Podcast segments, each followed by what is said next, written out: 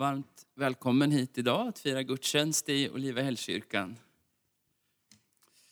Vi ska idag få dela en stund av tacksamhet i minne över människor som har betytt mycket för oss och som lämnat ett tomrum av saknad efter sig.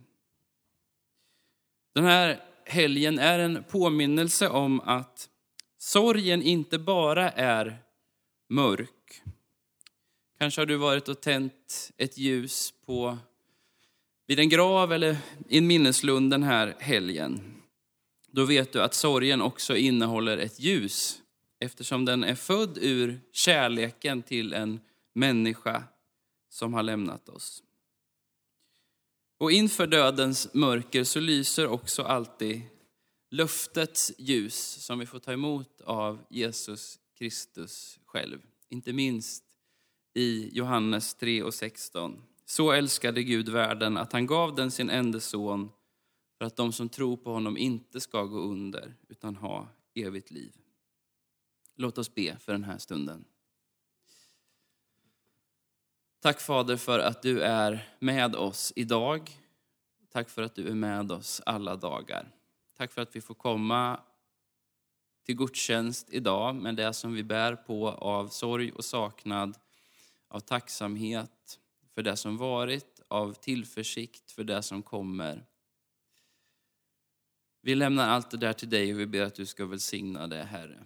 Låt oss få ta emot ditt ord idag i våra hjärtan av tröst och uppmuntran och av hopp.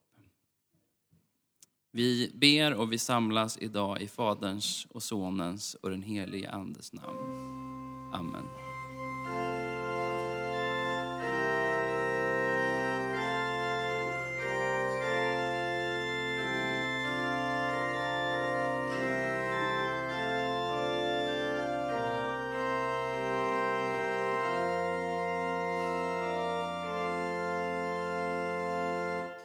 Idag så vill vi tända ljus och tacka Gud för dem som under det gångna året har lämnat oss. Först ska vi höra Bibelns ord om hoppet som sträcker sig bortom döden och tiden. Och jag vill läsa om den vision som vi pratat om den här hösten i Olivehällskyrkan ifrån Uppenbarelseboken. Kapitel 7 så står det så här. Johannes berättar vad han ser. Sedan såg jag och se en stor skara som ingen kunde räkna av alla folk och stammar och länder och språk. De stod inför tronen och lammet klädda i vita kläder med palmkvistar i sina händer. Och en av de äldste sa till mig, dessa som är klädda i vita kläder, vilka är de? Var kommer de ifrån? Jag svarade, du vet det, Herre. Han sa till mig, det är de som kommer ur det stora lidandet. De har tvättat sina kläder rena och gjort dem vita i Lammets blod. Därför står de inför Guds tron och de tjänar honom dag och natt i hans tempel. Och han som sitter på tronen ska slå upp sitt tält över dem. De ska inte längre hungra och inte längre törsta. Varken solen eller någon annan hetta ska träffa dem Ty lammet som står mitt för tronen ska vara deras herde och leda dem fram till livets vattenkällor. Och Gud ska torka alla tårar från deras ögon. Nu tänder vi ljus för Torkel Klevemar som avled på Alla helgons dag den 2 november 2019 i en ålder av 75 år.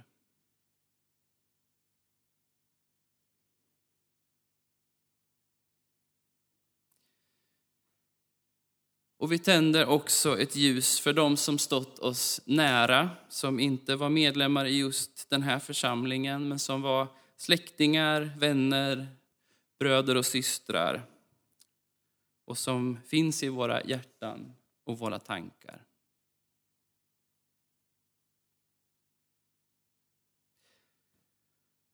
Och slutligen så tände vi också ett ljus till minne av alla de som gått förlorade i coronapandemin som ju har kännetecknat året som gått på så många olika sätt.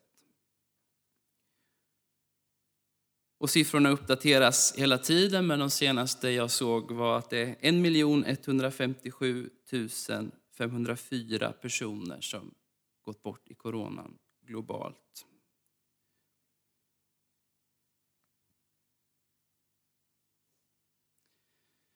Vi låter de här ljusen vara ett minne för alla dessa. Vi ber. Gud, du som omsluter både levande och döda. Till dig sätter vi vårt hopp och vår tillit. Du ser alla som sörjer och saknar, alla oss. Möt oss med din omsorg och var ett ljus i vårt mörker. Ge oss en hand att hålla i. Och ge oss alla del av det liv som aldrig dör genom Jesus Kristus, vår Herre. Amen.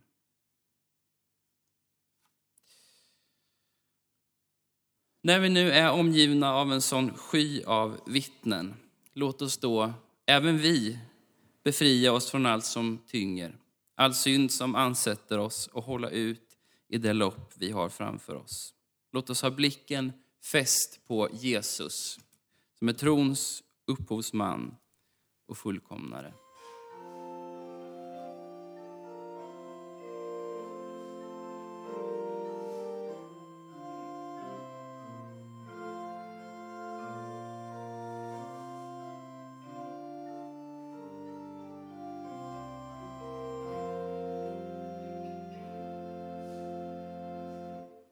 Ska läsa ifrån det elfte kapitlet i Hebreerbrevet och från vers 8. I tro lydde Abraham när han blev kallad. Han drog bort till ett land som skulle bli hans och han drog bort utan att veta vart han skulle komma.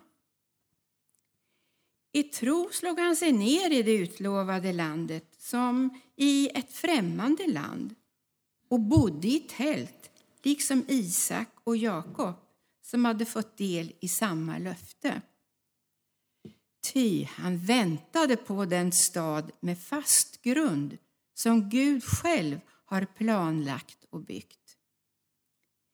I tro fick han kraft att avla en son, fast han liksom Sara var överårig. Han litade på den som hade gett löftet. Därför fick han, denne ende man, som dessutom var så gott som död, en avkomma talrik som stjärnorna på himlen och de oräkneliga sandkornen på havsstranden. I tro dog alla dessa utan att ha fått veta vad de hade blivit, fått vad de hade blivit lovade. De hade bara sett det i fjärran och hälsat det och bekänt sig vara gäster och främlingar på jorden. Det som talar så visar att de söker ett hemland. Och om de hade tänkt på det land som de lämnat kunde de ha återvänt dit. Men nu längtar de till ett bättre land, ett i himlen. Därför skäms inte Gud för dem, utan de får kalla honom sin Gud. Han har ju grundat en stad åt dem. Amen. Nu ska jag, eh, nu ska jag sätta Gunnar på prov här, för nu ska jag ändra lite i ordningen. Jag ska be att få läsa evangelietexten här borta innan vi tänder barnens ljus. Och eh, den är hämtad ifrån Lukas Gunnar klarade provet med bravur. Han var snabbare än jag. Jag visste att det här skulle hända. Lukas 20 och verserna vad står det? 37-38. Där står det så här, där säger Jesus så här. Att de döda uppstår har också Mose visat istället om törnbusken, där han kallar Herren för Abrahams Gud och Isaks Gud och Jakobs Gud. Gud är inte en Gud för döda utan för levande. Ty för honom är alla levande. Låt oss be en bön. Först Gud så vill jag tacka dig för det som vi har samlat in idag. Tack för de gåvor som vi får ta emot och ge vidare. Vi ber att du ska välsigna dem rikt och leda oss att förvalta dem väl. Nu ber vi att du ska öppna oss för ditt ord och tilltal idag. Tack för att du är här och vill möta oss. I Jesu namn. Amen. För några år sedan så var jag och Emma inbjudna till en RPG-träff i en annan stad, eh, i det sammanhang vi fanns i då. Och tanken var att vi skulle berätta lite grann om det arbete vi stod i vid det tillfället och att vi skulle sjunga några sånger. RPG det är ju en sån här träff för pensionärer och, och daglediga som finns i många kyrkor. Och efter att vi haft vårt lilla program där så kom det fram en kvinna till oss och det märktes att hon var lite upprörd. Och det visade sig att hon tagit illa vid sig av en av sångerna som vi hade sjungit den där stunden. Och det var en psalm som vi sjungit, psalmen 301.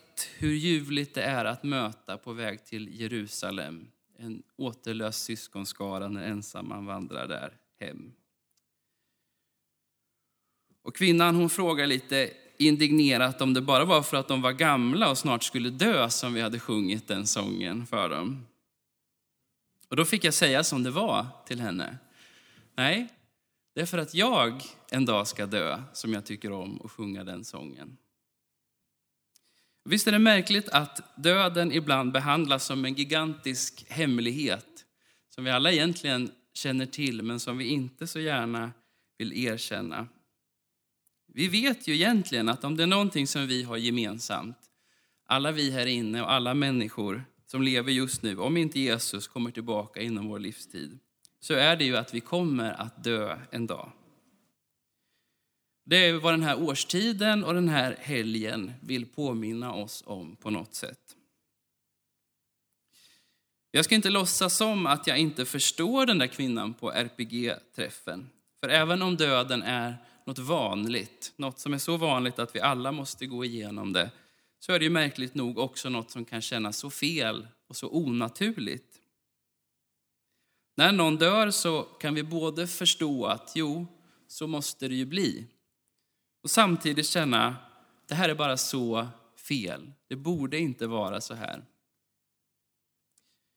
Och det häftiga är, tycker jag, att Bibeln behandlar döden på precis samma sätt.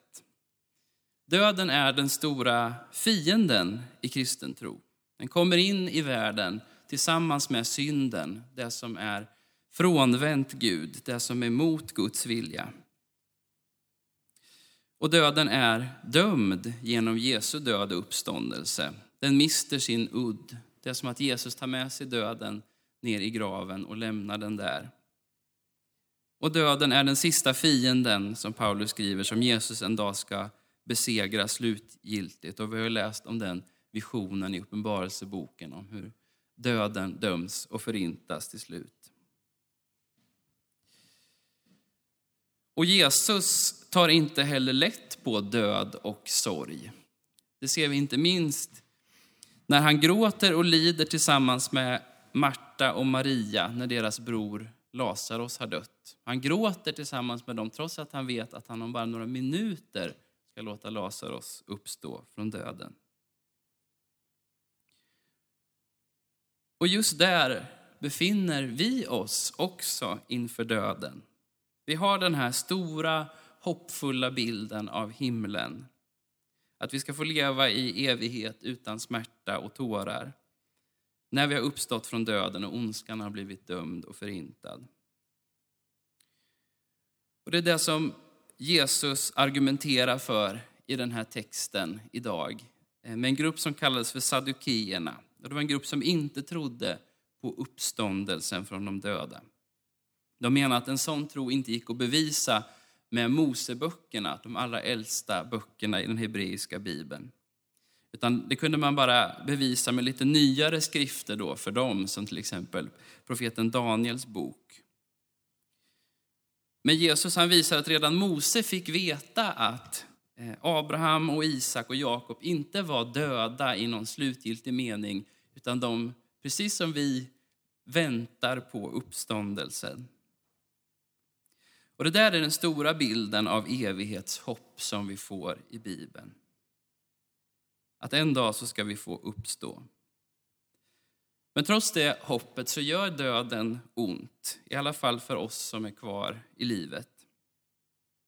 För vi har ju en till sak gemensamt, inte bara det här att vi ska dö, utan vi har också gemensamt att ingen av oss, vad jag vet, har dött än. Så vi vet inte hur det är. Och Bibelns röster säger inte jättemycket om det heller. Det är lite höljt i dunkel. Vad händer när vi dör? Hur är det i väntan på den där uppståndelsen och upprättelsen som vi läser desto mer om? Även om Nya testamentets författare inte talar så mycket om det så vill jag påstå att de åtminstone talar entydigt om det. Och budskapet som vi får är att vi får vara med Jesus när vi dör. När Jesus hänger på korset mellan de två rövarna så ber ju den ena av dem att tänka på honom när han kommer med sitt rike. Och då säger Jesus, redan idag ska du vara med mig i paradiset. Och en annan som inte verkar särskilt orolig för sin död är Paulus. När han sitter i fängelse och skriver sitt brev till församlingen i Filippi så resonerar han så här. Jag slits åt båda hållen. Jag längtar efter att bryta upp och vara hos Kristus. Det vore ju det allra bästa. Men för er skull är det viktigare om jag lever kvar här. Och vi kan gå till Gamla testamentet också. Salmisten i psalm 139 visste att stiger jag upp till himlen så finns du där. Om jag lägger mig i dödsriket är du också där. Vi får möta döden i en förvissning om att vi kommer få vara med Jesus. Även i väntan på uppståndelse. Och hur det där kommer gå till och hur det kommer vara och vad vi kommer uppfatta, det, det kan jag bara spekulera om och det ska jag inte göra här. Men vi får lita på Jesus och Paulus, att vara med Jesus, det är det allra bästa. Och Jesus säger att Gud är inte en Gud för de döda utan för de levande. Gud ser inte på dem som gått före som förlorade. Och även om döden är en fiende så kan Gud samtidigt använda döden till någonting som kan vara positivt för oss. Vetskapen och acceptansen om att vi är förgängliga varelser, att våra dagar är som gräset och blommorna, kan också få vara en vän för oss och en hjälp för oss att leva. Om vi accepterar tanken på att vi är dödliga så tror jag att vi till exempel har lättare att leva i ödmjukhet och tacksamhet. Då kan vi få ta emot varje dag ur Guds hand som en gåva. Och då kan tacksamheten över vad vi har få vara större än rädslan att förlora det. Och tacksamheten över vilka vi är blir större än besvikelsen över vad vi ännu inte är. Och min erfarenhet säger mig att det inte är ovanligt att Guds nåd visar sig på ett särskilt sätt just i en svår situation som att stå inför döden. Där det goda växer mitt i det svåra. Flera personer som jag har stött på som stått inför döden har burit på en frid, en längtan att få vara med Jesus. Och därför kan en begravning också få kännas ljus och hoppingivande samtidigt som den är tung och full av saknad. Och jag kan bara be och hoppas att mitt eget uppbrott från livet också ska präglas av de där sakerna, av hopp och dygd och Guds närvaro. Och att hoppas det är inget nytt. Under medeltiden så spreds det en slags självhjälpsbok om döden. Den hette Ars Moriendi, som är latin för konsten att dö väl. Och ämnet var högaktuellt även då. Det var digerdöden som härjade. Man räknar med att ungefär en fjärdedel av Europas befolkning dog i pestsmitta. Och enligt den här boken, Ars Moriendi, så ställs varje döende människa inför fem frestelser. Dels frestelsen att förlora tron på Gud. Eh, frestelsen att tappa hoppet, att fokusera mer på sina egna synder än på Guds nåd och frälsning. Dels frestelsen att bli otålig, att inte uthärda smärta och lidande utan bli arg på dem som finns runt omkring och försöker vårda en. Och om man lyckats med de tre första där och stå emot de frestelserna så kommer en fjärde frestelse och det är högmod. Att tänka att man klarar allt själv. Och den femte och sista frestelsen enligt den här traditionen var kanske lite förvånande girighet. Att man, man hade en ovilja då att släppa taget eh, om det goda i livet. Och I motsats till de här frestelserna så uppmanade Ars Moriendi traditionen till att istället söka fem dygder. Att tro och lita på Guds kärlek, att ha ett hopp om frälsningen, att ha kärlekens tålamod och uthållighet, att vara ödmjuk och slutligen att acceptera och släppa taget om det goda i livet i tilltro till att Gud tar hand om det som jag lämnar kvar efter mig. I normalfallet så får man ju bara pröva att dö en gång. Några få, Lazarus till exempel, fick göra det två gånger. Men de flesta av oss får förbereda oss på att vi ska dö en gång. Och det kanske är gott så. Men frågan är hur man ska göra för att på bästa sätt förbereda sig för uppbrottet. Och jag kan bara dela med mig av hur jag själv gör. Jag testar en, en tes. Och det är att jag kan förbereda mig för döden eh, genom hur jag lever mitt vanliga liv fram till döden. Och Det är därför jag gärna sjunger sådana där sånger som hur ljuvligt det är att möta och andra sånger som vi har sjungit här idag. För för mig handlar de sångerna inte bara om döden utan hur jag ska leva fram till döden. Och just den här hur ljuvligt det är att möta handlar om gemenskapen, att vi går tillsammans mot ett himmelskt mål. Och det är kanske det första som jag vill jobba på. Att tänka att jag inte behöver hålla min dödlighet hemlig och hantera den ensam, utan att jag faktiskt får gå emot det där svåra tillsammans med andra som en gemenskap. Som bröder och systrar som försöker vara en försmak av det vi längtar efter och väntar på. En gemenskap där vi räcker varandra handen och hälsar varandra med frid. Och där vi lever nära anden i bön och vänskap med varandra. Jag läste nyligen om en sjuksköterska som arbetat med palliativ vård i många år, vård i livets slutskede. Och hon hade gjort en, en lista på saker som hon uppfattade som de vanligaste sakerna som man ångrar på sin dödsbädd. Och en av de sakerna var, kanske inte så förvånande, att man inte hade satsat mer på sina vänskapsrelationer, sina familjerelationer.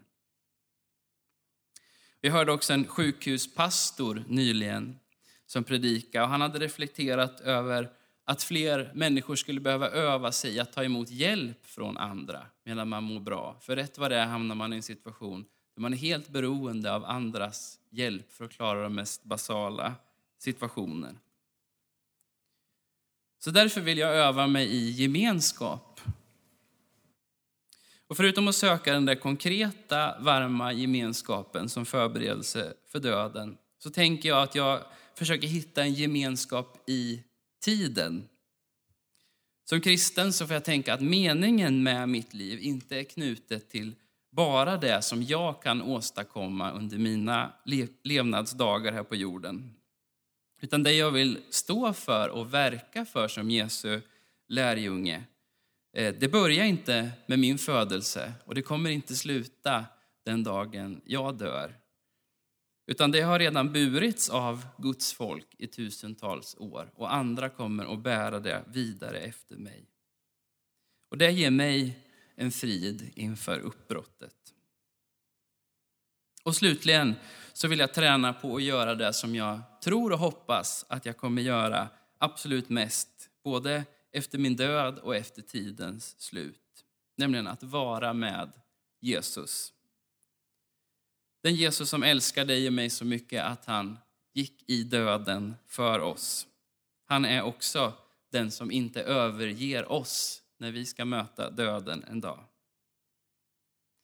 Vi är övertygad om att det bästa vi kan göra här och nu är att vara med honom och lära känna honom. Att vi försöker lära känna honom i, i Bibelns berättelse, genom bönen, eh, genom gemenskapen, Eh, när vi möter Jesus tillsammans i gudstjänsten och i församlingens arbete. Och inte minst genom att delta i det goda som Jesus gör här på jorden bland människor. Jesus är en Gud för de levande, för de som vill ta emot hans liv. Ett liv som han vill ge oss i överflöd.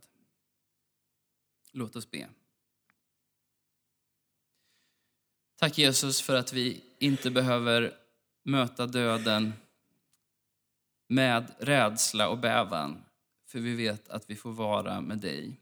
Tack också för det hopp som finns i framtiden för oss alla om en uppståndelse från de döda.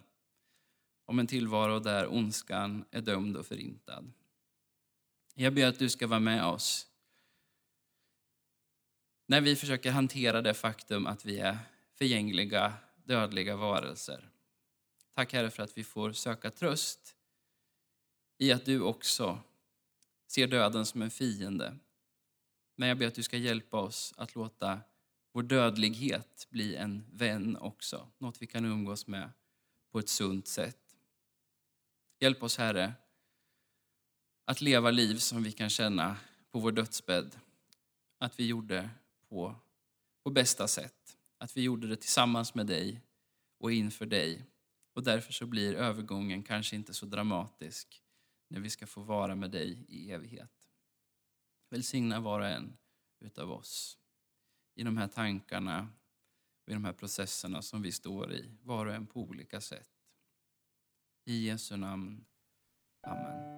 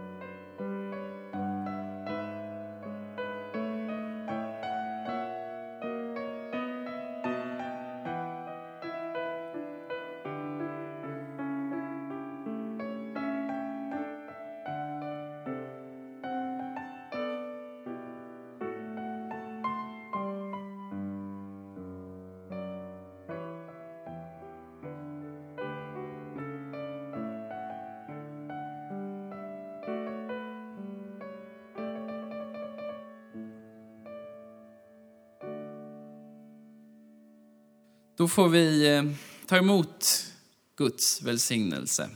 Om du vill och kan får du gärna stå upp.